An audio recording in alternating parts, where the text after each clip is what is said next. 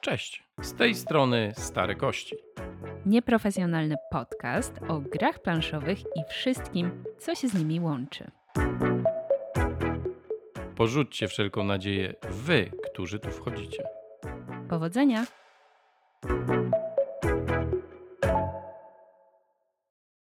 Dzień dobry. Dzień dobry. Z tej strony podcast Stare Kości. Co zresztą wiecie. Nie wiem po co to mówimy, ale mówimy. Ty to mówisz. No bo tak na mnie patrzysz, że coś muszę cię. powiedzieć. Jakby czuję presję i mówię takie rzeczy. Tak. Podpuszcza Joanna zwana Kocioł. Podpuszczanym jest Paweł. Witamy Was serdecznie. Witamy. I przechodzimy do. Off-topu? Tak, od razu. O, o, jak szybko. No, z kopyta. nie za bardzo jest o czym mówić. To I musi być szybki Jesteśmy odcinek. gotowi i uwaga, teraz temat, który był odkładany, zapowiadany i wreszcie dzisiaj nastąpi ten odcinek, gdzie o nim porozmawiamy. I teraz poczekaj, bo ja się też przygotowałam, bo już się upewniłam, że Paweł też jest przygotowany, więc wszyscy jesteśmy przygotowani, oprócz słuchaczy. Znaczy, to będzie rewolucja podcastowa, jeżeli chodzi o wtopy. Na pewno. Tak, więc wiem, że słuchacze nie mieli jak się przygotować, ale wiecie, wdech, wydech, spokojnie. Croissant. Jak mówić, jak żyć. I to jest temat dzisiejszego off-topu. A być może w ogóle całego odcinka, jak się rozpędzimy, to tutaj nie ma granic, jeżeli chodzi o ten temat. No i ty jesteś inicjatorem tego tematu, więc liczę, że pociągniesz go dobrze tutaj merytorycznie i wypowiesz się, co sądzisz na ten temat. Ale ty też obiecałeś, że się przygotujesz, więc liczę również na ciebie. A tak naprawdę inicjatorem trochę, czy pomysłodawcą tego tematu jest mój mąż, który od jakiegoś czasu, kiedy ja zaczęłam kupować te, na razie powiedzmy, rogaliki, bo jeszcze nie ustaliliśmy, jak to wymawiać, zaczął wręcz mnie podpuszczać i się ze mnie śmiać, kiedy wymawiam tą nazwę i specjalnie, kiedy szłam do piekarni, to mnie pytał, po co idę, tylko po to, żeby usłyszeć, jak ja to mówię. Więc trochę zrobił się z tego taki już żarcik. A ja wtedy zaczęłam się zastanawiać, okej, no to ja to mówię aż tak dziwnie, czy to mój mąż jakoś na innej planecie żyje? Może oboje nie mamy racji, no i jak to mówić? No bo to nie jest polskie słowo i nie wiem, jaka jest poprawna wymowa i jestem bardzo ciekawa, jak inni wymawiają. Wydaje mi się, że każdemu według woli, oczywiście do pewnych granic. No Tutaj. właśnie, i gdzie są te granice? No nie wiem, dla każdego są gdzie indziej pewno. To jest trudne w wymowie słowo. A jak ty Szczególnie jeżeli wymawiasz? chcemy. O Jezu, ja muszę to zrobić. Ja też, naprawdę. ja też powiem. No, wszyscy muszą usłyszeć, czego tak mój mąż e, tyle radości czerpie. No nie wiem, ja zazwyczaj mówię croissant, ale to jest niepoprawna wymowa. No, a ja uwaga, ja mówię croissant. Okej. No i teraz jak? Bo zobacz, ty to mówisz zupełnie inaczej niż ja i oboje chyba mówimy to źle. A ty z jakiego słownika wzięłaś to tłumaczenie? Z To Google'a? było Google tłumacz francuski. Okej, więc... Ta y, pani, co tak mhm. zapowiedziała temat Okej. przewodni. Nie No, dla mnie to jest rogalik francuski, chociaż on tak naprawdę nie jest francuski, więc jego pochodzenie też jest tricky. O, przygotowany. tak, Dobrze. bo on jest tak naprawdę wiedeński, bym powiedział. O, Tak. a oni tam to po niemiecku bardziej. ale pierwszy przepis taki udokumentowany to jest 1839 rok. To jest pan August Zanga i to jest wiedeńska kawiarnia, która zlokalizowana była w Paryżu, natomiast sama kawiarnia była wiedeńska, a sam August nie jest Francuzem. Ale Więc- jednak we Francji. No w jakimś stopniu tak, no, ale nie jest to stricte francuska potrawa. No ci Austriacy w obcych krajach to różne dziwne rzeczy robią, jak widać. Przeginają po prostu. Mhm.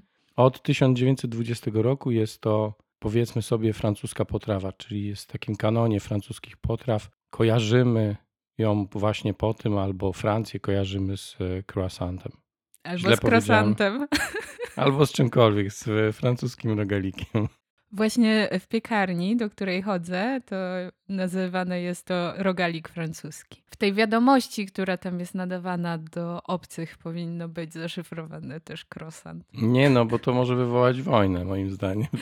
Nie wiadomo, jak to ocenić. A na przykład mój mąż mówi bardziej w kierunku tak, że croissant. Okej. Co ciekawe, jest kilka legend które O krosantach? tak, które dotyczą tego, jak tak naprawdę wynaleziono. A, już liczyłam na jakieś bazyliszki czy coś. Nie no. Zjadł krosanta, umarł i Tak było, rycerz tak wygrał.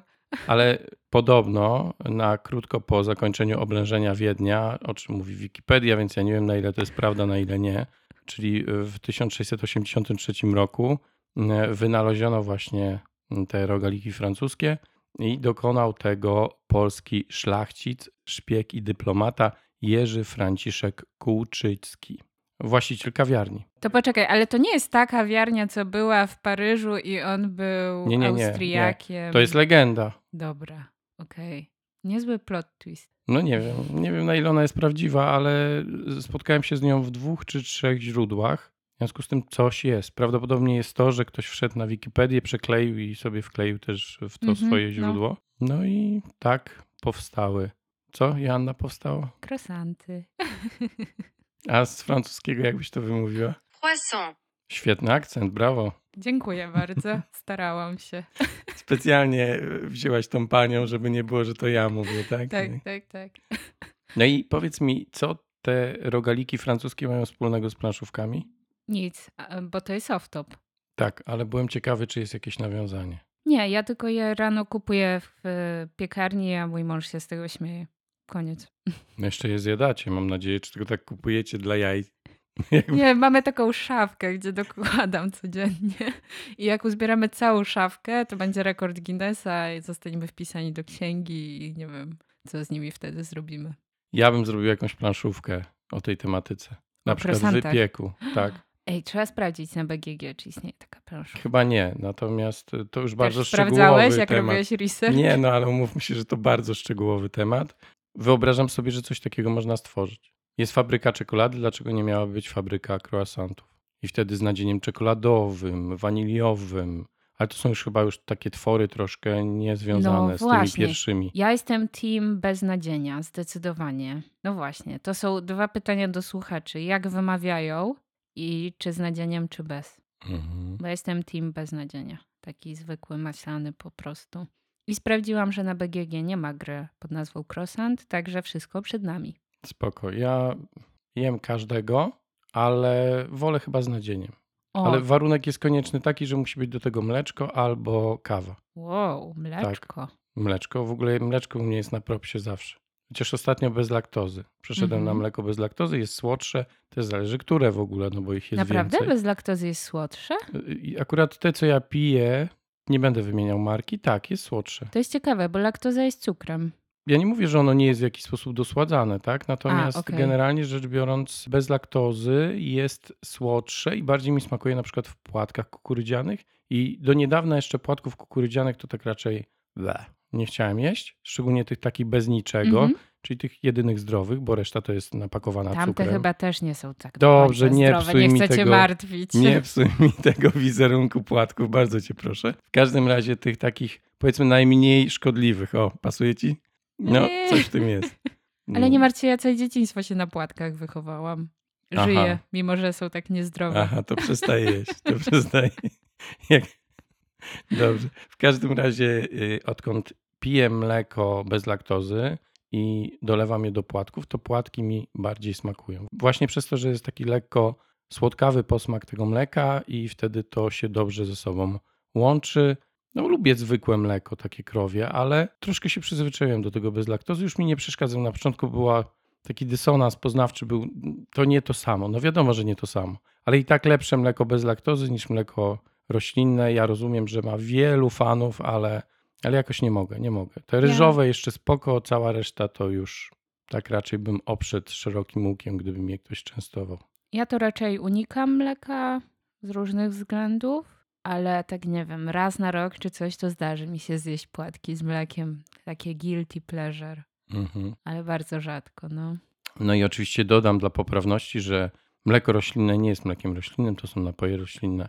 Zostało to nawet kilka lat temu zweryfikowane i to nazewnictwo trzeba było poprawiać. Ale tego nie zrobiono, nadal nazywają to mlekiem. Powszechnie tak, natomiast e, już w sklepach masz napoje roślinne. Mhm.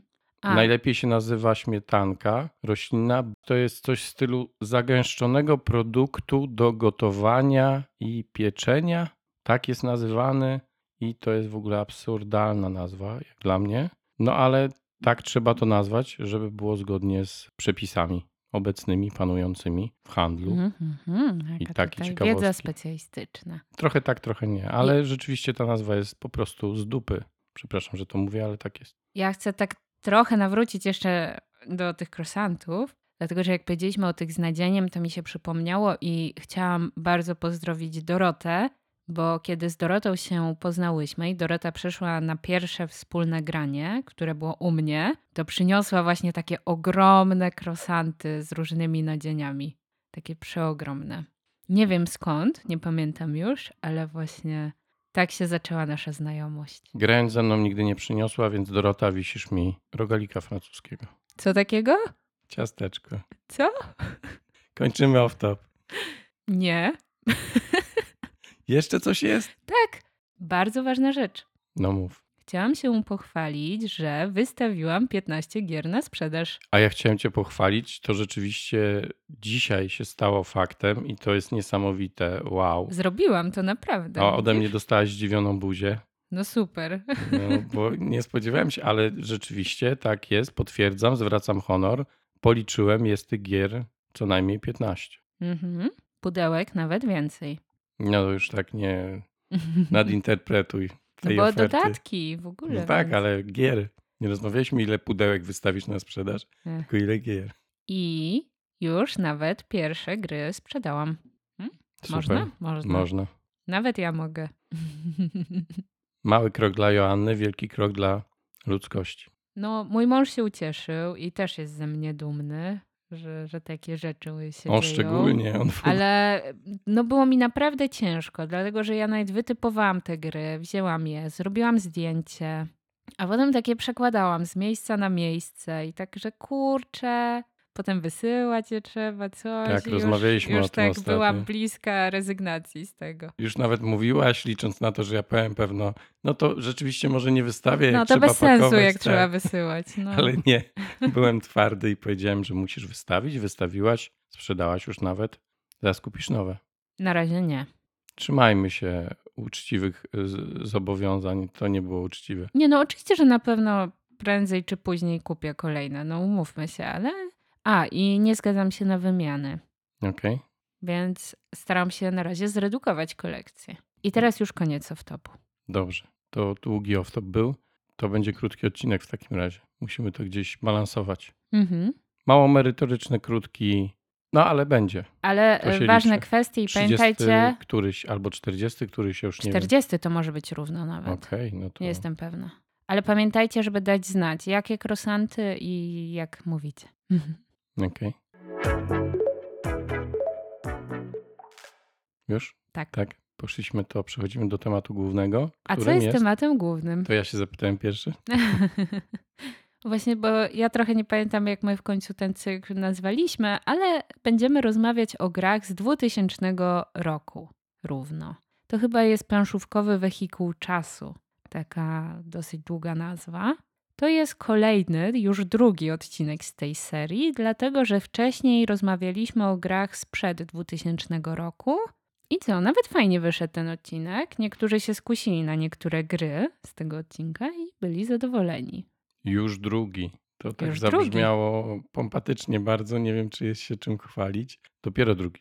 Niestety problem polega na tym, że ogrywanie tych gier, szczególnie z lat powiedzmy 2000, 2005, 2006, yy, nastręcza nam trochę problemów, bo niektórych nie mamy, ciężko nam wybrać. Albo są- zapominamy, że już ograliśmy jakiś tytuł, co jest case'em na dzisiaj. Tak, mieliśmy taką sytuację, ale dzięki temu jesteśmy jeszcze lepiej przygotowani. Można powiedzieć, że jesteśmy nadprzygotowani. Okej.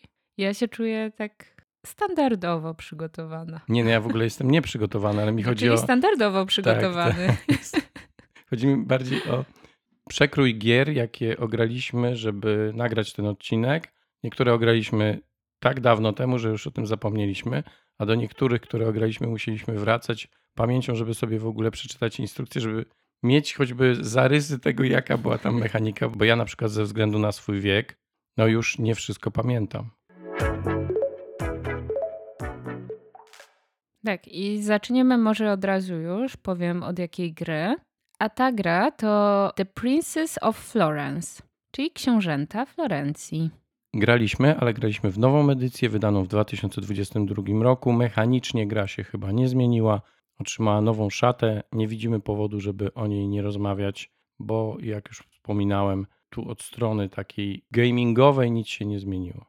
Tak, tam jest dołączony taki mały dodatek i to jest ciekawe, bo wydawcą tej wersji, też w wersji angielskiej, jest Korea Board Games, czyli koreański wydawca.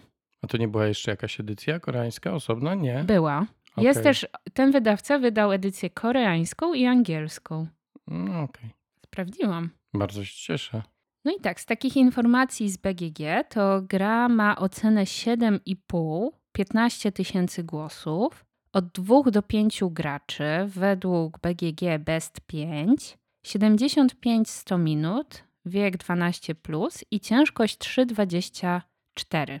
Designerzy, czyli autorzy gry to pan Wolfgang Kramer, Richard Ulrich i Jens Christopher Ulrich. Także nie pamiętam już, czy to jest ojciec i syn, czy bracia, chyba ojciec i syn, ale nie jestem pewna, plus pan Kramer. Kramera znamy, Tak, bo to ten Kramer. Ten czasem jest Kramer. jeszcze inny Kramer, ale to ale jest ten. wtedy to nie jest ten. Tak. Tak. To ważne. W ten sposób właśnie ich odróżniamy. Ten i nie ten. Dobrze. Co tam dalej? No i już powiedziałeś, że my graliśmy wersję z 2022. Pierwsza jest faktycznie z 2000 roku, wydana po angielsku przez Rio Grande Games, po niemiecku przez Ale. I to jest chyba taka kultowa linia tych gier Alea w tych takich pudełkach. Ja mam zamki Burgundii też, na przykład w takim pudełku. Mhm. I to jest jedna z tych gier. I dokopałam się też do informacji, że ta gra miała wersję polską, wydaną w 2006 roku jako właśnie książęta Florencji przez Lacertę. Także w pewnym momencie była też na rynku polskim. I wtedy też, w tym roku 2006, kiedy została w Polsce wydana, to chyba była też taka edycja, która była międzynarodowo drukowana w różnych językach i miała nową szatę graficzną, bo to było już inne pudełko niż to oryginalne. I wtedy ta gra na BGG miała piąte miejsce w 2006. Czyli długo się utrzymała. Aczkolwiek konkurencja była stosunkowo niewielka. Tak, no później już z biegiem lat coraz niżej. Obecnie jest na miejscu 232, więc mimo wszystko nie tak źle, dała radę. Wstydu nie ma. I w strategii 163. Tak jeszcze ze statystyk, jak sobie popatrzyłam, no to zalogowanych na BGG partii jest ponad 28 tysięcy i ponad 16 tysięcy osób deklaruje, że posiada tę grę. I warto dodać, że ja jestem jedną z tych osób, bo mam tę wersję z 2022. No i historia zakupu była taka, że najpierw zainteresowałam się tą grą, bo pojawiła się w planszu strefie bodajże, a później dopiero ogarnęłam, że to jest ta gra z 2000 roku, którą możemy ograć do tego cyklu. Którą wcześniej wytopowaliśmy. Tylko No. nie mieliśmy skąd wziąć kopii. No i okazało się, że mamy kopię, bo Joanna jest do tego świetnie przygotowana. Tak, przypadkiem trochę, ale się udało. Nie ma przypadków. To było celowe i zamierzone Tak. i planowane. No dobrze, to już od strony takiej informacyjnej, statystycznej mamy tytuł omówiony. Możemy przechodzić do następnego tytułu. To już wszystko wiecie, więc idziemy dalej. To może ja tak trochę nakreślę, o czym jest gra, jaki jest jej flow, żeby słuchacze mieli jakiekolwiek pojęcie. Zaskoczyłaś mnie, ale tak, nakreśl. No. No to jest gra, która trwa przez 7 rund. Jest taka trochę w stylu euro, ale ma element licytacji, który był w tamtym czasie, jak już ustaliliśmy, bardzo modny w grach i dużo gier go miało. I tutaj też jest ten element licytacji. Dlatego, że jak to na grę euro przystało, będziemy próbować zdobyć jak najwięcej punktów, ale żeby je zdobywać, no to takim głównym mechanizmem jest wykonywanie takich prac, można powiedzieć, za które zdobywamy punkty, ale to, jak dużo tych punktów zdobędziemy za daną realizację jakiegoś zlecenia, powiedzmy, zależy od tego, jak dużo elementów na naszej planszetce pasuje do tego zlecenia. No i właśnie te elementy, które się znajdują na naszej planszetce, w większości będziemy zdobywać w licytacji na początku każdej rundy. Nie wszystkie, ale tak, jest to dodatkowy mechanizm. Ciekawie wpleciony w taką konstrukcję, klasyczną konstrukcję eurogry i w jakiś sposób ją urozmaicający. Na tyle, że ta gra jest nawet, powiedziałbym, w niektórych momentach emocjonująca. Mhm. Tak, bo część rzeczy będziemy potem już jako akcje w fazie akcji, po fazie licytacji kupować, budować i tak dalej, ale część tych rzeczy będzie w tej fazie licytacji. I tutaj mamy też element trochę chyba można powiedzieć, że nawet takiego poliomino, bo mamy te kafelki, które układamy na swoich planszetkach i one są w różnych kształtach, w różnych rozmiarach i musimy to jakoś na tej planszy poukładać, bo są tam zasady, że na przykład budynek nie może się stykać z innym budynkiem, chyba że tylko rogami.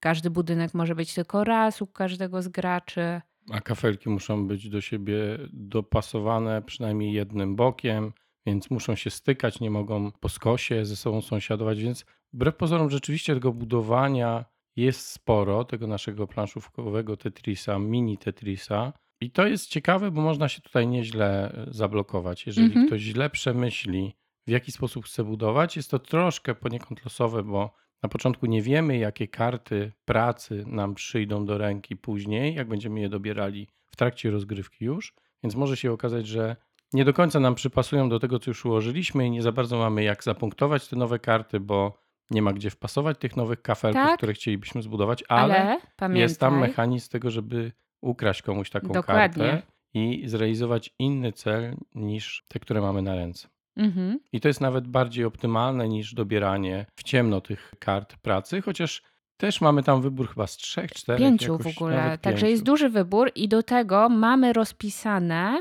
wszystkie symbole, na jakich kartach, jak występują, w jakich połączeniach i można trochę szukać połączeń, które częściej ze sobą występują. Czyli, że wiem, że na przykład jak połączę to z tym, to jest szansa, że nie wiem, trzy karty do tego pasują, a do tego tylko jedna.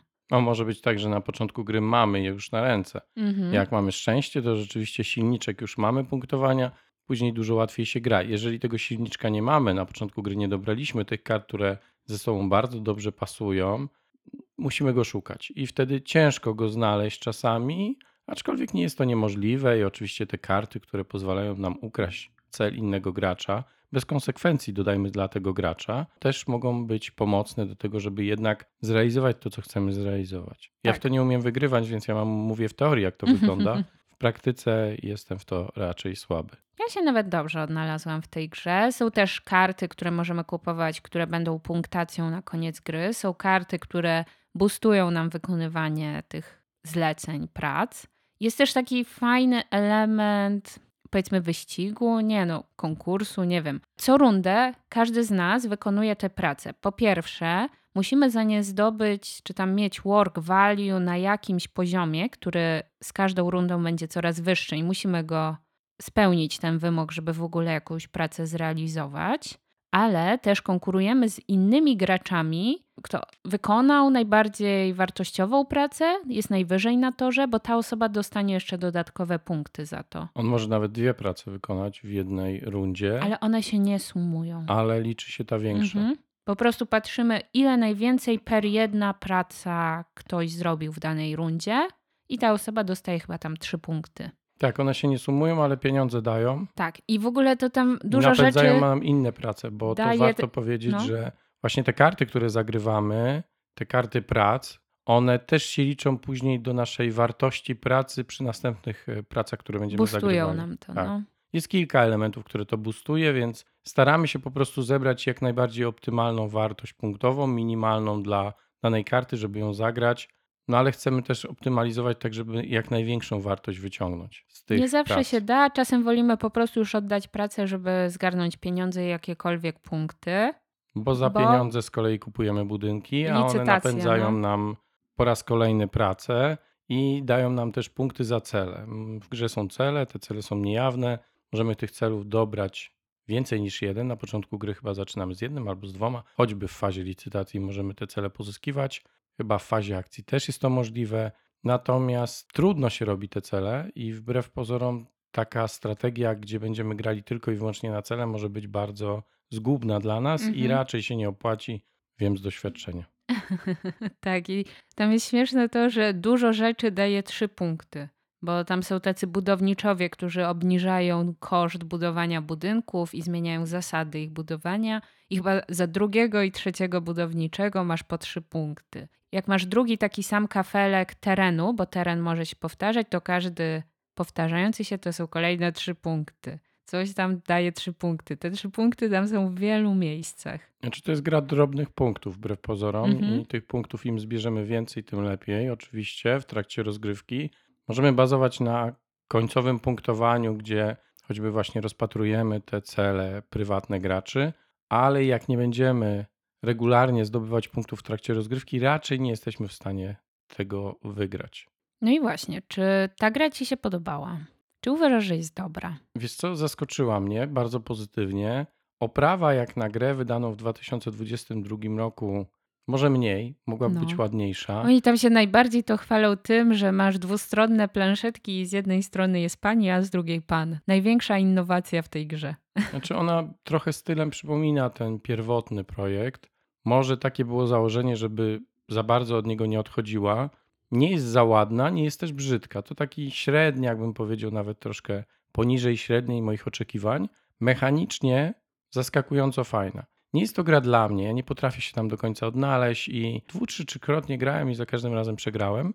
Natomiast gra rzeczywiście sprawia frajdę, nie jest długa, nie ma tutaj dużych downtime'ów, nie ma takiej sytuacji, w której byśmy musieli nie wiem, frustrować się decyzjami współgraczy. Jest interakcja, ale ona jest na takim poziomie mało inwazyjnym. E, Nie bezpośrednia interakcja, tylko taka, gdzie ktoś po prostu w fazie licytacji może nam coś podebrać, przelicytować nas. Jest tam też taki aspekt blefu, bo możemy licytując zalicytować coś innego niż tak naprawdę chcemy, wywołując tym samym licytację, licząc na to, że ci gracze, którzy są dla nas zagrożeniem tej właściwej nagrody, którą chcemy zdobyć, gdzieś indziej pójdą, coś innego wylicytują, a trzeba powiedzieć, że każdy gracz per jedna runda licytacji może wylicytować tylko jedną rzecz, Mhm. więc jeżeli my się pozbędziemy konkurencji, jest większa szansa, że uda nam się wylicytować to, co chcemy, ale uwaga, może być też tak, że się przeliczymy. Mnie się to nader często zdarza, że się przeliczę w fazie licytacji i po prostu później się zastanawiam, po co ja to zrobiłem, bo to jest gra małych kroków, to jest gra, w której staramy się co rundę zoptymalizować to tak bardzo i wymaksować, jak to w tej rundzie jest możliwe. Ja czasami patrzę tak dalekosiężnie na zasadzie, dobra, to ja tu zrobię blef, tego nie zrobię, chociaż potrzebne mi to jest na maksa. I lubisz podbijać innym licytacje. Lubię podbijać, a później się sam dziwię, że licytuję coś, czego tak naprawdę nie chcę mieć, bo chciałem coś innego. Chciałem na przykład landscape. I bardzo mi na tym zależało. I ten landscape mi pozwoli, nie wiem, zagrać dwie karty pracy. I w ogóle to jest zaplanowane od początku rundy, ale kiedy przychodzi faza licytacji, odzywa się we mnie taki złośliwiec i ja mówię Nie sobie, kupisz nie, tak nie, to tanio. tak, tak tanio. Tak. No i później biorę jakieś rzeczy, których nie potrzebuję i zastanawiam się, dlaczego ten silniczek się nie odpalił w tej rundzie, nie? To... Bo wiesz, bo opowiedziałeś sam o tym mechanizmie, gdzie ktoś zaczyna licytację czegoś tylko po to, żeby kogoś podpuścić, a potem opowiedziałeś o tym, jak licytowałeś rzeczy innym, których nie chciałeś, żeby to podbić. No, czyli bardzo dokładnie przedstawiłem kropki się cały łączą. mechanizm. Jest głupi, losowy i nieprzemyślany mechanizm, jak go z tej gry bym po prostu usunął. Czyli reasumując, grać nie potrafię, licytować jak widać też nie potrafię, ale gra mi się ogólnie podoba, a jak tobie, bo ty chyba dwukrotnie wygrałaś, jak my graliśmy, nie wiem, czy ty wygrałaś Jakoś obie tak chyba partie? było, no. To jest w ogóle jakieś niesprawiedliwe bardzo, ale, ale Bez rozumiem, przesady. że... No tak trochę. Mi się gra bardzo podoba i uwaga, została w kolekcji i nie znalazła się na liście 15 gier, które teraz sprzedaję. I się cieszę, że ją mam, bo to tak się trochę przypadkiem trafiło, bo to nie była szeroko dystrybuowana gra chyba teraz i już nie jest dostępna. Więc tym bardziej się cieszę, że mam swoją kopię. Bardzo mi się podoba ta licytacja i te mechanizmy, że z jednej strony dostajemy punkty za te wykonane prace, ale może jednak wolimy pieniądze, bo to można podzielić. Trochę pieniądze, trochę punkty, tylko pieniądze, tylko punkty, jak chcemy. Musimy natychmiast o tym zadecydować. Ja się bardzo dobrze bawię przy tej grze i faktycznie dla mnie jest zaletą to, że ta gra jest w miarę szybka, do pięciu osób nawet. I myślę, że tutaj nie ma problemu, żeby zagrać w pięć osób, że to nie jest jedna z tych gier, gdzie jest do czterech i na siłę doklejona piąta osoba i nikt tak nie gra. I tutaj spokojnie w pięć osób fajnie się będzie grało. Bardzo przyjemna moim zdaniem i faktycznie miłe zaskoczenie, no. Chociaż nie pozbawiona losowości, bo po pierwsze możemy dostać na początku gry naprawdę dobry układ kart pracy, taki optymalny i te karty są unikalne, w związku z tym już wiadomo, że nikt więcej takich kart nie będzie mieć. On może oczywiście je od nas zabrać w trakcie rozgrywki, ale my sobie napędzamy silniczek i wiemy w jaki sposób to robić, jak konsekwentnie zwiększać sobie tą wartość tej pracy, żeby odpalić te wszystkie karty i mieć z tego jak najwięcej punktów kasy. Druga rzecz to są cele i one też są dość losowe. Dobierzemy i okazuje się, że no niestety żaden z nich nam nie pasuje. Są jeszcze karty wspomagające, czyli te karty, które dogrywamy, kiedy robimy pracę, i one mają różne twisty, czasami zwiększające nam wartość tej pracy, czasami zapewniające nam jakieś inne e, bonusy. I to wszystko fajnie ze sobą współgra. Ja jestem zadowolony, że ty masz tę grę. Nie będę pewno bardzo cisnął, żeby ciągle w nią grać, ale jeżeli powiesz, a jestem przekonany, że powiesz, zagrajmy w to, to też nie będę odmawiał. Tak, chętnie jeszcze bym zagrała w tę grę, to prawda. Także to jest udany wybór, bo wybraliśmy trzy gry na 2000 rok, a nawet trochę więcej, ale o trzech powiemy dzisiaj. Mhm. Coś więcej, także tutaj fajna gra.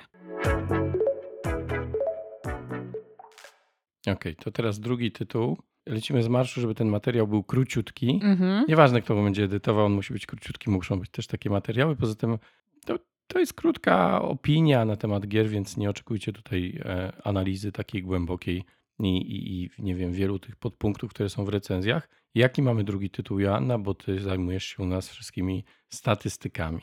Jak to ostatnio przedstawiłam na środowym graniu i prawie potem zostałam za to zabita, jak już to zagraliśmy, perełka, Taj Mahal. Na środowym graniu, na którym mnie niestety nie było, przy czym ja wiedziałem, w co będziemy grać i raz, że praca mi nie pozwoliła być. Z drugiej strony, nawet jakby tej pracy nie było, to pewno bym sobie ją znalazł, mając gdzieś tam z tyłu głowy, w co zagramy. I to jest taki case, że niewiele jest gier, w których ja mam aż taki opór, żeby zagrać po raz drugi. Że ja czuję wszystkimi nerwami i całą swoją świadomością, że to nie jest dobry pomysł, bo to nic dobrego mi nie da. I ta gra, o której dzisiaj i teraz będziemy rozmawiali, jest właśnie jednym z tych tytułów. Tak, no i co? Na początek trochę informacji z BGG, bo Taj Mahal ma ocenę 7,3. Jest ponownie, podobnie jak Książęta Florencji, od 2 do 5 graczy, ale BGG mówi, że best jest 4. 45 do 90 minut, wiek 12 plus i ciężkość 2,99. 7,6 tysięcy osób oceniło tę grę. W swojej kolekcji deklaruje, że tę grę ma ponad 9 tysięcy osób, a odnotowanych rozgrywek na BGG jest ponad 14 tysięcy. W 2007 roku ta gra miała 22 miejsce na BGG. To jest jej najwyższe miejsce w tym rankingu. No i co? Pierwsze wydanie, w sumie tu jest dużo podobieństw do Książąt Florencji, w takim sensie, że pierwsze wydanie to też było Rio Grande Games i Alea, więc ta sama seria. Autorem gry jest pan Rainer Knizia, czyli klasyczek i według niektórych najlepszy autor gier planszowych. Ever. I forever. Natomiast on rzeczywiście wtedy, to było takie jego prosperity on. On był jednym z niewielu autorów gier, mówmy się, ale rzeczywiście niektóre gry, które stworzył w tamtym okresie, my już opisywaliśmy, choćby w tym cyklu. Wiele graliśmy i no i rzeczywiście to nie są złe gry ale... W większości, ale nie Taj wszystkie. Mahal absolutnie do tego opisu nie pasuje. No więc już e, zero suspensu, od razu już wiecie, co Paweł myśli o tej grze, co inni nasi współgracze myślą o tej grze. Ja tylko dodam, że jak na to, co my myślimy o tej grze, to jest ciekawe, bo ta gra ma miejsce 558 na BGG, więc nie jest wcale aż tak daleko. I jest ceniona przez niektórych. Mhm, mm? mhm. Tak. No, My trochę dalej. tego nie rozumiemy, ale tak jest. Może opowiem znowu, żeby cię zaskoczyć, co się robi w tej grze, żeby Absolutnie, nasi musisz. słuchacze wiedzieli. I nie wiem, w ogóle mówić jakiś flaw? Chyba nie. Nie, nie, nie. Chociaż nie. to jest ciekawe. Nie, ja tylko powiem troszkę, dlatego że celem gry jest zdobycie jak największej liczby punktów wpływów. Można je zdobyć, budując pałace i nabywając towary. Pałac można zbudować po uzyskaniu wsparcia wezyra, generała, mnicha, księżniczki lub wielkiego mogoła. I to jest hit ten mogoł, dlatego że no to jest taka nazwa, której się nie pamięta, a ja mam talent do nazywania rzeczy dziwnie w grach, więc to na przykład był pan siedzący na tronie z ptakiem w ręku. I, jakbyście zobaczyli ilustrację Wielkiego Mogoła, to to jest pan siedzący na tronie z ptakiem w ręku. Ja mi się zdarzyło kilka razy powiedzieć pan z ptakiem i to miało podwójny wymiar, więc jak się po raz trzeci na tym złapałem, że tak mówię, to przestałem używać tego sformułowania. Nieważne. Opowiadaj, Joanna, bo to trzeba opowiedzieć. Okej, okay, to gra się aż 12 tur. I mam takie poczucie, że przynajmniej przy naszych rozgrywkach, to gdzieś tak już przy trzeciej turze wszyscy powoli się zaczynają zastanawiać, co ja tu robię.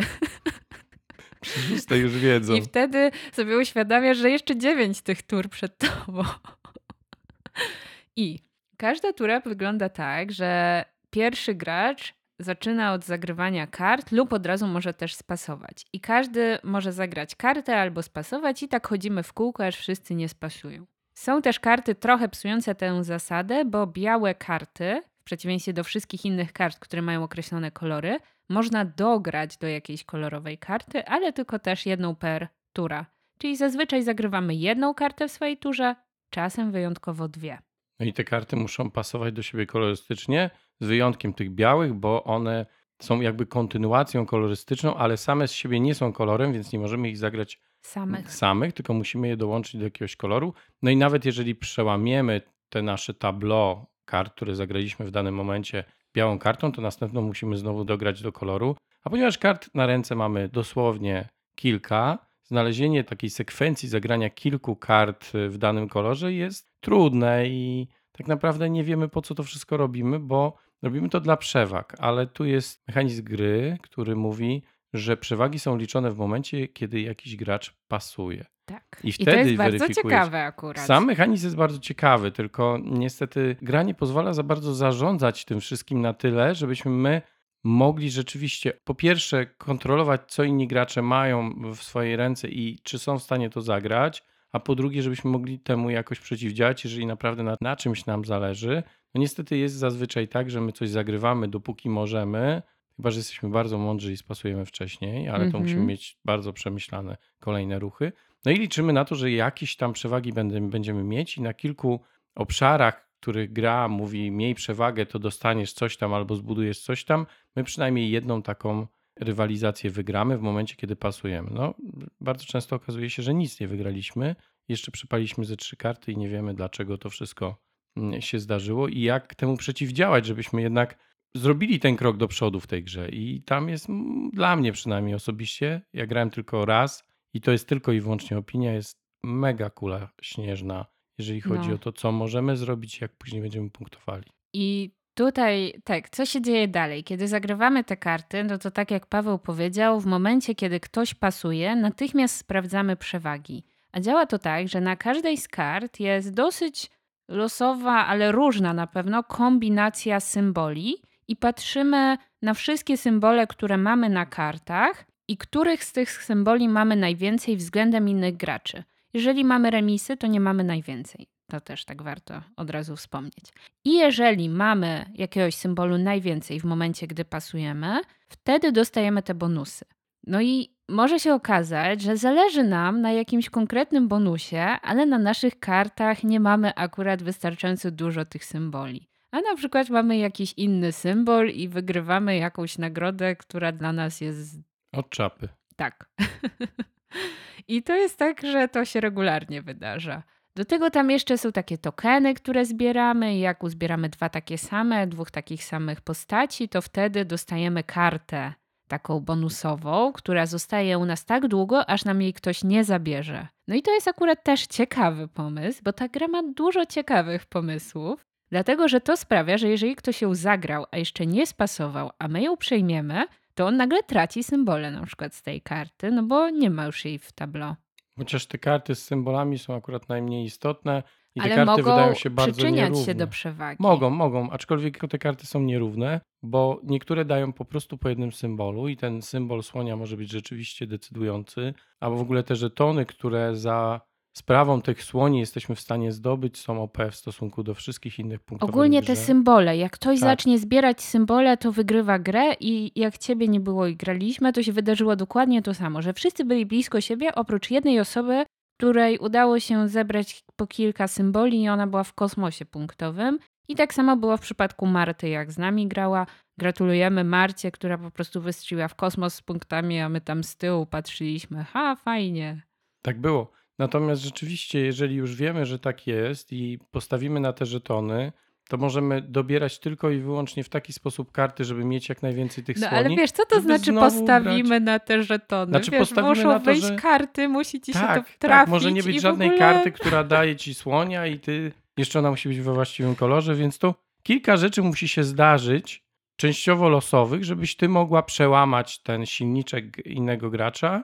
Z drugiej strony, jeżeli on widzi, że już ma dwa, trzy żetony, to w sumie po co ma robić coś innego w grze, bo alternatywą dla zdobywania punktów za żetony i za te zasoby, które są na żetonach, nie tylko na żetonach zdobywanych z danego obszaru, bo tam jest 12 rund i 12 stref, na których będziemy walczyli o przewagi. I tam też będziemy się rozbudowywać, swoje pałace będziemy budować. Oczywiście, co jest też uzależnione od tego, jakie mamy karty i czy nam się uda w danym momencie spasować, kiedy mamy tych symboli najwięcej. Ale to tak mocno nie punktuje. W sensie da się kilka punktów, ale Punktowałoby, gdyby było mniej losowe, i punktowałoby, gdybyśmy w pewnym momencie zrobili sobie taką ścieżkę, że odpalamy kilka tych regionów naraz i tam jest taki efekt, że jeżeli odpalamy jakiś region, to patrzymy z, in, z iloma innymi regionami sąsiaduje i za każdy region, w którym mamy tą ciągłość połączenia, dostajemy jeszcze jeden punkt. Zrobić te połączenie jest ekstremalnie trudno, natomiast zbierać te żetony, co do zasady jest łatwiej, o ile mamy odpowiednie Mhm. karty. I niestety tutaj, jak ktoś już zbierze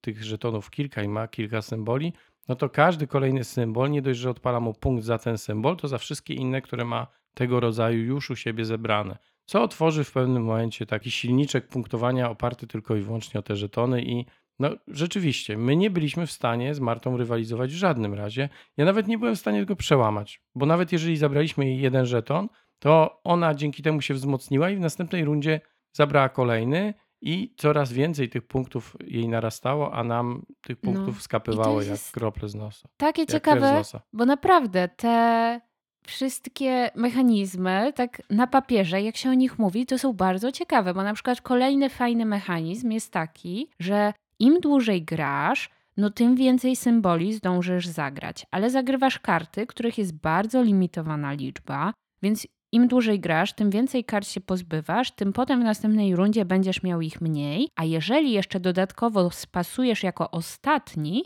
wtedy wszyscy inni gracze po spasowaniu dobierają po dwie karty, a ty tylko jedną. Czyli zagrałeś więcej kart, później spasowałeś i jeszcze dobierasz mniej, więc w następnej rundzie będziesz miał tych kart mniej. Założenie I- jest takie. W praktyce były i takie kurczę, tury, jakby- gdzie Marta pasowała jako ostatnia i tak miała więcej kart niż ty, która pasowałaś jako pierwsza. No to też się może wydarzyć, ale teoretycznie to też powinno fajnie działać, a jakoś to wszystko nam się nie spięło i no tak mi się wydaje, że tak koło trzeciej rundy to już zaczynasz myśleć o tym, kiedy to się skończy i sobie uświadamiasz, że jeszcze daleka droga. I jak ciebie nie było, no to właśnie jedna z naszych współgraczek, to już widziałam, że jest tak niezadowolona z tego, jak ta gra wygląda i że w to gramy, że na koniec, a y, muszę przyznać, że siedziałam obok i trochę się martwiłam o własne życie, czy nie zostanę zabita za to, że przyniosłam tę grę, powiedziałam, że gramy teraz w taką perełkę i będzie super, wiedząc w co wszystkich pakuje przy stole, to jeszcze na koniec mówi, dobra, to ja zrobię zdjęcie tej gry, żeby wiedzieć w co nigdy więcej w życiu nie grać. Ja mam podobne odczucie. Przypuszczam, że ta zgodność jest przypadkowa zupełnie akurat, ale rzeczywiście, kurczę, no to jest taka gra, w którą ja więcej zagrać nie chcę. Ja nie mam potrzeby, ja nie czuję żadnej wartości dodanej z tego, że ja siądę i w to zagram. I rzeczywiście Joanna ma rację. Granicznym punktem jest ta trzecia, czwarta runda. Jeżeli my mamy silniczek, no to dalej gra może nas nie cieszyć, ale wynik już tak. Natomiast tam się nic nie dzieje. Tam nie ma emocji. Tam nie ma też kontroli regionów na takim poziomie, jakbyśmy chcieli, jakby to miało znaczenie dla rozgrywek, e, w których jest rzeczywiście takie czysta era control, gdzie tam masz sporo strategii i te decyzje takie są uzależnione od ciebie. No tutaj zagrywam kartę, na tej karcie są dwa symbole i to jest pierwsza karta, którą w ogóle zagrywam w turze, bo jestem pierwszym graczem i to, na czym mnie najbardziej zależy, to to, żeby inni gracze w miarę możliwości zagrali inne symbole niż moje, bo wtedy ja być może mam jakąś strategiczną decyzję na poziomie takim, że to ja pasuję i wtedy zdobywam dwa żetony. Czy te żetony są mi potrzebne? Nie mam pojęcia. Mogę zbudować dwa budynki. Czy one coś mi dają? Teoretycznie tak, bo tam za to pierwszeństwo w budowaniu są bonusy. Niektóre pola mają bonusy i te bonusy mogą nas w jakiś sposób napędzić, dać nam punkty. Natomiast samo połączenie tych wszystkich regionów ze sobą, tak żeby z tego budowania tych pałaców wynieść tyle punktów, co z tych żetonów i symboli na żetonach, jest praktycznie nieosiągalne, więc to jest taki dodatkowy aspekt punktowania, ale pierwsze i ostatnie, co musisz robić, to zbierać te żetony i symbole i z tego jest tych punktów najwięcej. Jeszcze Taki jest morał gry. taka ciekawostka, że ja dodatkowo byłam tak zachęcona do zagrania w tę grę, dlatego że chyba na Shut Up and Sit Down panowie rozmawiali o tej grze i wydawało się, że to nawet jest ciekawa gra i coś tam w niej jednak dostrzegali i chyba były zdania takie trochę podzielone, ale były osoby, którym się to podobało, więc ja tym bardziej pomyślałam, dobra, no to będzie może nawet nie taka zła gra. Te książęta Florencji okazało się, że są całkiem spoko. Tutaj może też zaskoczy. No i nie pykło. Jeszcze z takich technicznych rzeczy to mam dwie informacje, że my graliśmy w wersję z 2018 roku, bo chyba o tym nie wspomnieliśmy. I ja się dokopałam do informacji, czy też do jakiejś archiwalnej oferty, gdzie była sprzedawana gra w wersji wielojęzycznej, gdzie według opisu była też instrukcja polska, więc wydaje mi się, że ta gra nie miała takiego stricte polskiego wydania, ale była jakaś taka multilanguage opcja, gdzie chyba też instrukcja polska była dodawana. Ciekawe, bo ja przed przeczytaniem zasad, bo instrukcja nie jest najbardziej optymalna i ciężko się ją czyta wbrew pozorom, pomimo że ma 8 stron, to szukałem polskiej instrukcji, myślę Mhm. sobie, ułatwię sobie w ten sposób sprawę, ale jej nie znalazłem nigdzie. A może ktoś, nie wiem, odfoliował grę, włożył instrukcję i zafoliował? No nie, no chyba nie. Może była, może po prostu nie jest nigdzie w PDF-ie do Bo to stara gra. pobrania. No, troszkę stara. No więc e, takiego oficjalnego polskiego wydania chyba nie było, ale jakieś takie wersje gdzieś tam widziałam, archiwum Allegro, że było coś takiego sprzedawane. Podsumowując, gra mnie osobiście kompletnie nie podpasowała. Na tyle, że uniknąłem na szczęście drugiej rozgrywki, która, jak rozumiem po relacji Asi, była dokładną kopią pierwszej i generowała ten sam poziom frustracji. Ale mogę powiedzieć, że czerwoni wygrali. To bardzo ważna informacja. No. Niestety za pierwszym razem przegrali, ja byłem czerwony. Jakby nie wiem po, po co w to grać. Wierzę, że ta gra ma fanów. Być może dla niektórych graczy jest w niej coś wartościowego. Być może wymaga, nie wiem, ogrania kilkunastu partii, żeby... I te emocje no, mogą tam być trochę, ale u nas ich nie było. Nie, nie, to gra, która kompletnie nie trafiła w nasz gust. To co najwyżej było takie, i po co to zagrywasz, nikt nie zyska. I Tak, takie, bo tam jest "Eee". dużo takiej y, negatywnej interakcji, kiedy widzimy, że nie możemy przejąć jakiegoś żetonu, ale możemy zagrać kartę po to tylko, żeby zablokować innym, no i zagrywamy. No i to były takie tury, gdzie żaden żeton nie został wzięty, Tak. może jeden z tych wszystkich, które tam są, więc... Nie mówiąc o pomyłce, o myślałem, że to inna postać, a to bez sensu zagrałem. No i jest jedna karta, jest mega przegięta z tych bonusowych, plus dwa punkty. Jeżeli przez 3-4 rundy utrzymasz ją u siebie na ręce, a te karty wracają na koniec rundy do gracza, który je kontroluje, no to to jest 8 punktów. No w tej grze, w której zdobywa się ich łącznie, my zdobyliśmy ile? 60, 30, to zależy. No to my zdobyliśmy te 30, 20 kilka. No to jest dużo. To te punkty takie co rundę regularne wydają się na tyle wartościowe, że wtedy może warto nawet pilnować, żeby nikt nam tego pana drugiego żetonu nie zebrał, żeby Pani nam... akurat. To jest pani, wszystko jedno. Księżniczka. Dobrze, nie wszystko jedno, bo ktoś mi później powie, że całe życie był księżniczką, a ja tutaj spłycam No. tą wartość księżniczek. Oczywiście to nie jest wszystko jedno. Każdy, kto się czuje księżniczką, ma prawo się tak czuć. No, to I- trochę taki vibe Shira. Lecimy dalej, tak? Czy coś jeszcze na ten temat? Shira. Ty wiesz, co to jest? No wiem, ale nie chcę teraz przedłużać tego tematu. Lecimy. I teraz słuchajcie, taka ciekawostka, że trzecią grą miał być Rój, ale go nie ograliśmy, więc miało być Carcassonne. Ale teraz, chwilę przed nagraniem, jeszcze tak sobie przeglądaliśmy grę z 2000 roku i ja nagle tak mówię do Pawła, ty, co my w ogóle robimy? Przecież my już dawno temu ograliśmy trzecią grę z 2000 roku do tego cyklu specjalnie, a tą grą było Dream Factory, aka Nightmare Productions, aka Traum Fabric. I my chyba graliśmy w wersję, która była jako Traum Fabric, czy nie? Aka Hollywood, Aka Hollywood Blockbusters, Aka Tytus Romek i Atomek. Generalnie Właśnie. jeszcze jest kilka Aka, bo ta gra ma tyle nazw, że chyba żadna inna gra nie ma aż takiej różnorodności nazewnictwa, biorąc pod uwagę, że mechanicznie się niczym te wersje od siebie nie różnią, a jeżeli nawet to są to jakieś takie drobne zmiany, nieodczuwalne specjalnie dla graczy w trakcie rozgrywki. No, więc taka ciekawostka, że to jest ten element zaskoczenia nawet dla nas, gdzie ograliśmy grę do tego cyklu tak dawno, że już o tym zapomnieliśmy i teraz przypadkiem sobie o tym przypomnieliśmy przed samym nagraniem. A przesuwaliśmy to nagranie o Żeby przynajmniej ograć 2-3 rój. tygodnie, żeby ograć rój, którego nie ograliśmy, bo przecież to jest na 15 minut dwuosobówka, na którą czasu nie znaleźliśmy. No. No. Nie, nie, wiem, jak to się wszystko potoczyło, ale coś tutaj nie zagrało. Na szczęście Dream Factory zagrało dwukrotnie albo trzykrotnie. Joanna tyle grała, ja grałem więcej, ale to już było dawno temu. Tak, i kilka informacji z BGG. Ocena 7,1. Tych ocen gra ma ponad 5000, więc tak całkiem ok.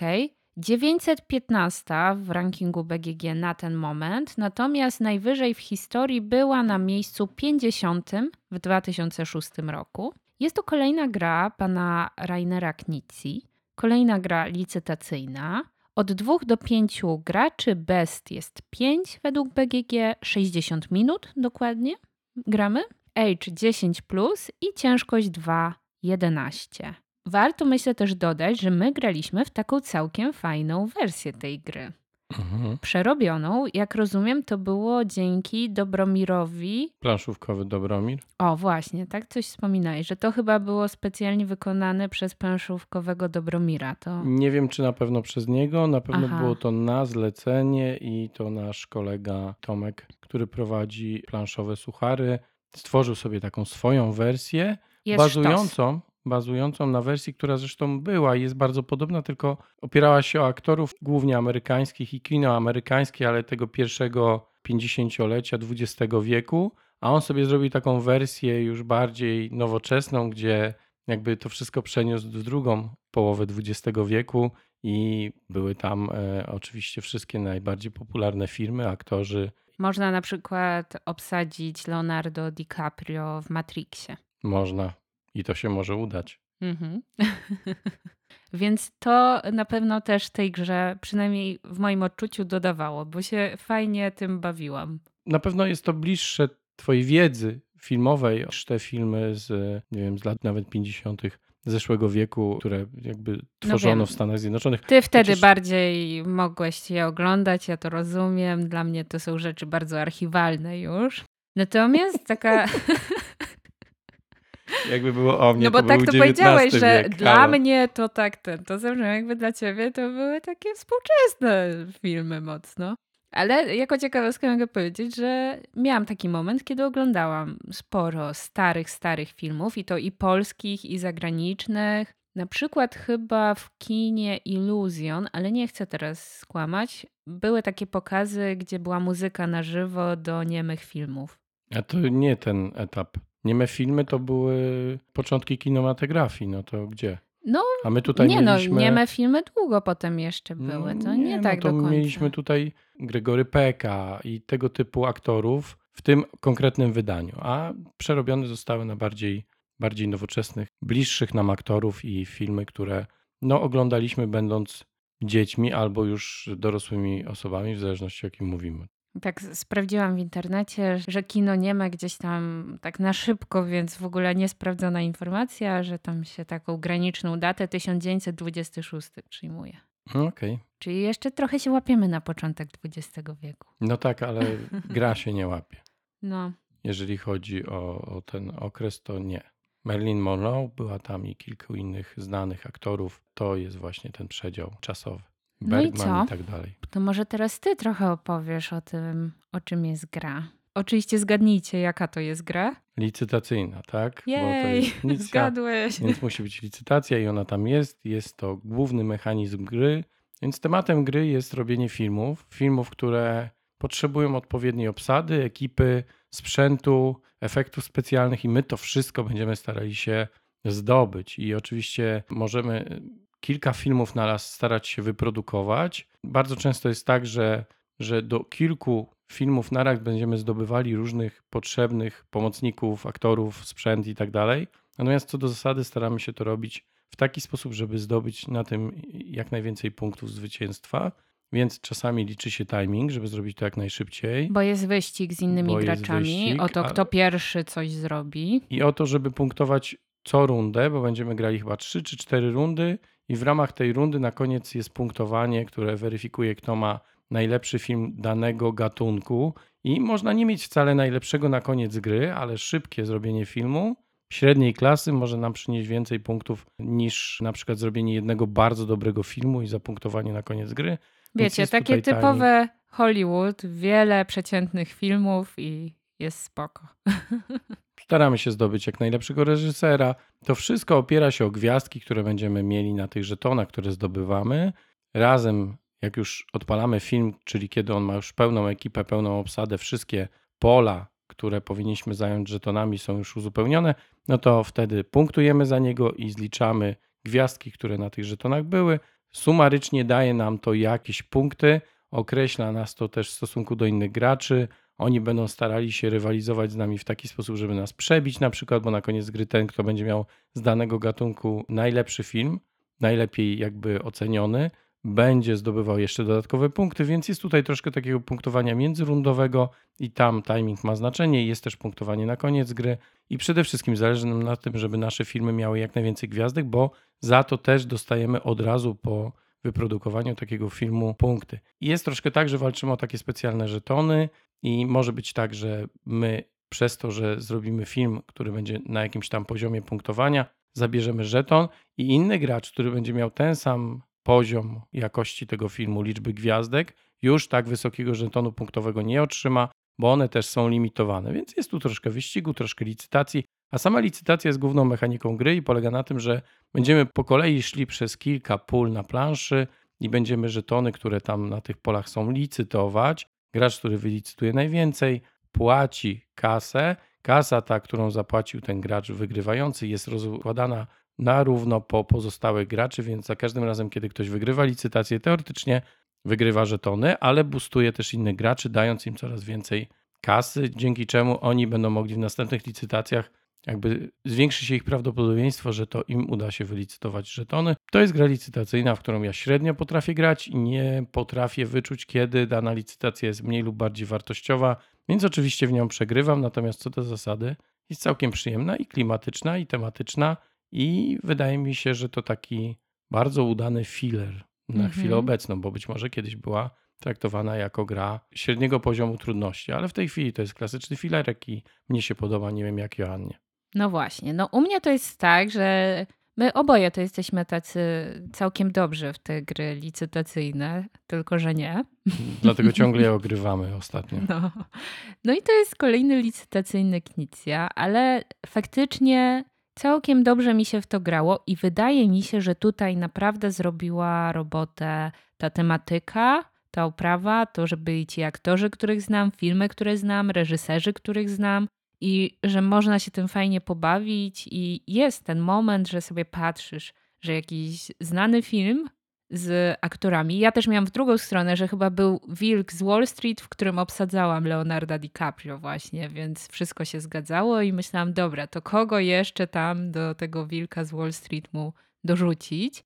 I w ogóle nie o to chodzi w tej grze, żeby patrzeć na te nazwy, imiona i w ogóle, ale ja to robiłam i się tym dobrze bawiłam.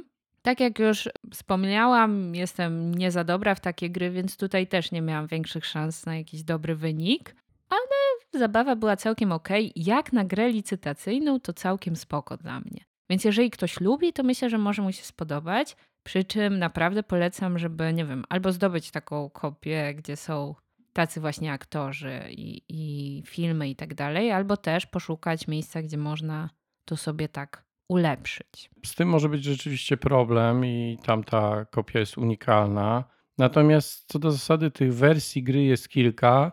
Niektóre są nowsze, niekoniecznie łatwo dostępne i niekoniecznie w Polsce. Ale zaskoczyłeś mnie tą polską wersją.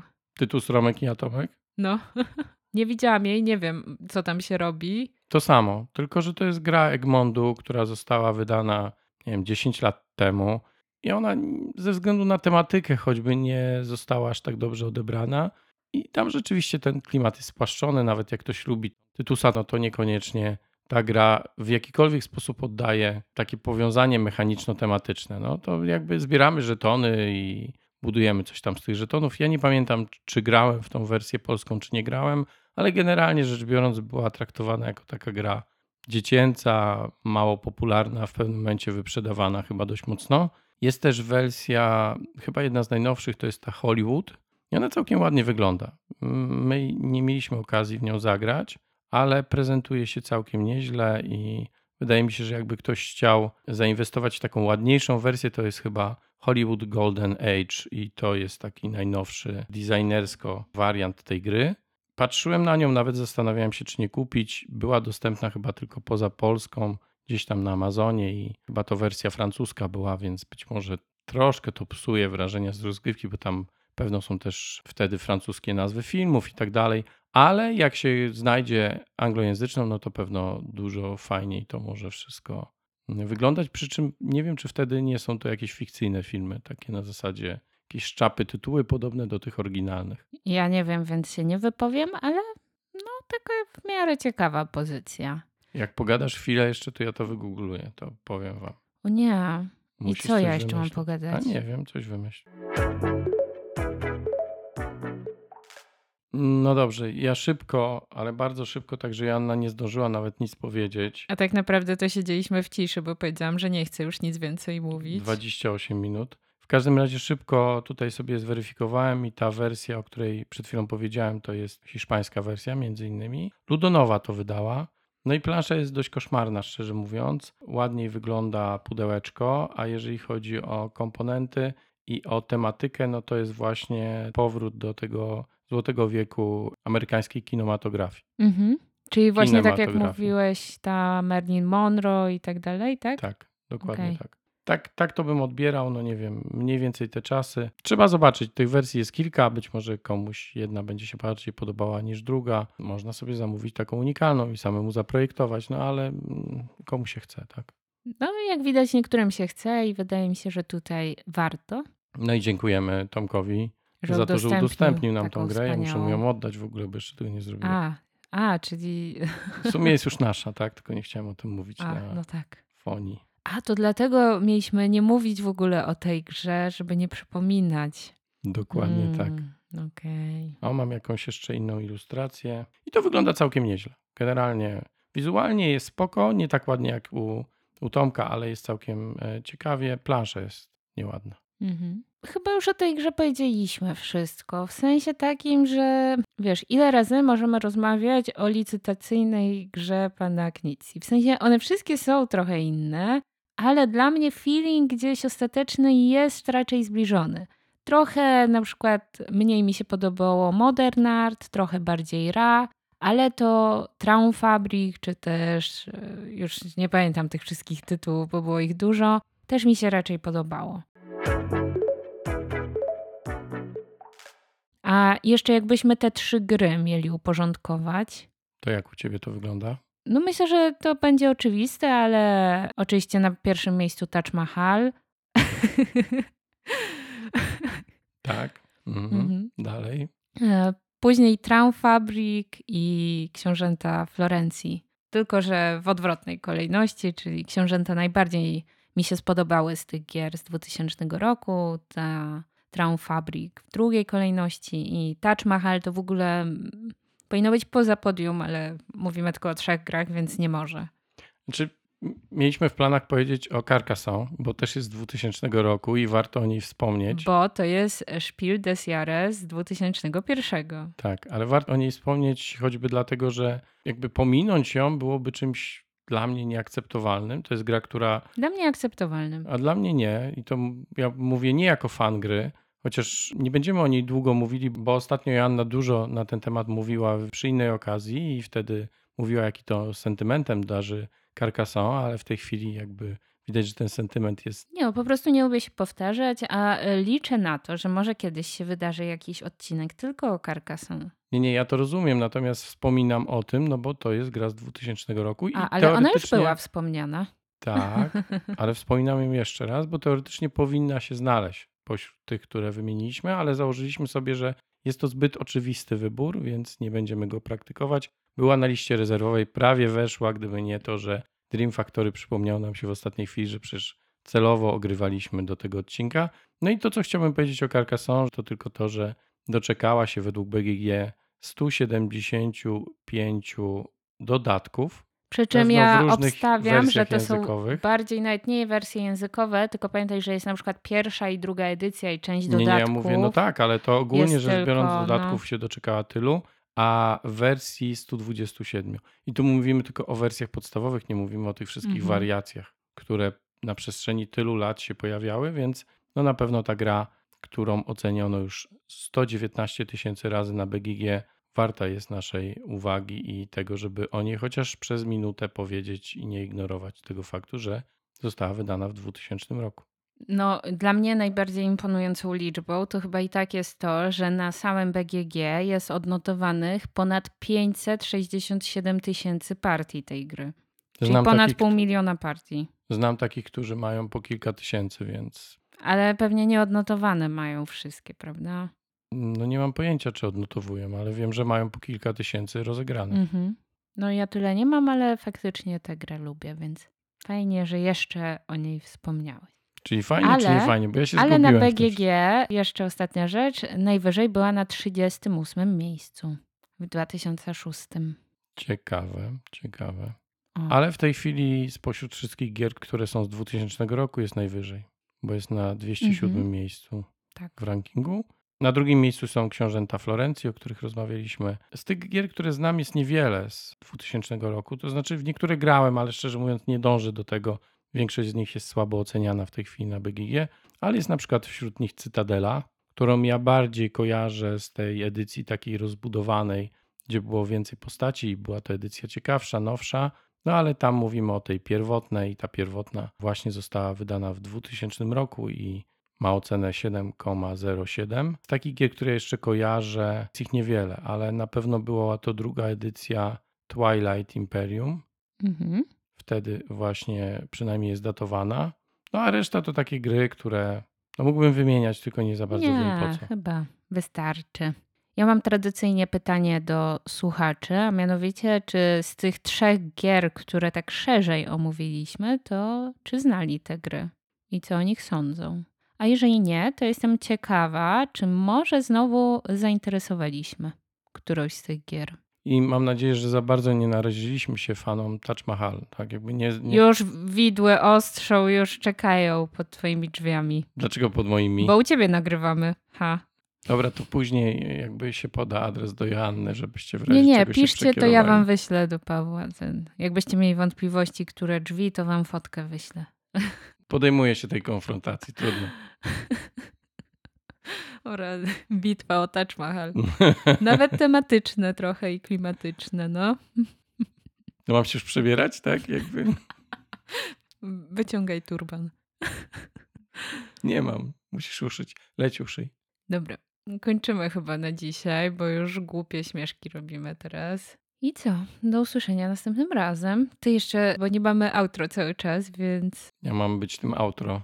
No nie, no ja trochę mogę być i ponownie przypominam, że podlinkuję kawkę i cały czas zbieramy żeby ogrywać jakieś nowe, kolejne gry. I przypominam, że wystawiłam 15 gier na sprzedaż, więc będzie miejsce na nowe gry. No i ja przypominam, że Joanna obiecała, że będzie wysyłała w ręcznika, więc nie wiem, jak ona to ogarnie i czy to się w ogóle finansowo zepnie. Nie, obiecałam tylko, że jeżeli ktoś poda hasło stare kości bodajże, muszę sobie przypomnieć to hasło, to weźmie udział w losowaniu złotego biletu na kocikon. Taka była nagroda. Mhm, Hmm? okej. No, bo ty to tak przyjmujesz za pewnik, że zostaniesz zaproszony na kolejny kocikon, widzę. A tutaj to nie jest takie oczywiste. Czy ja mam coś kupić? Wreszcie zrozumiałeś, wreszcie.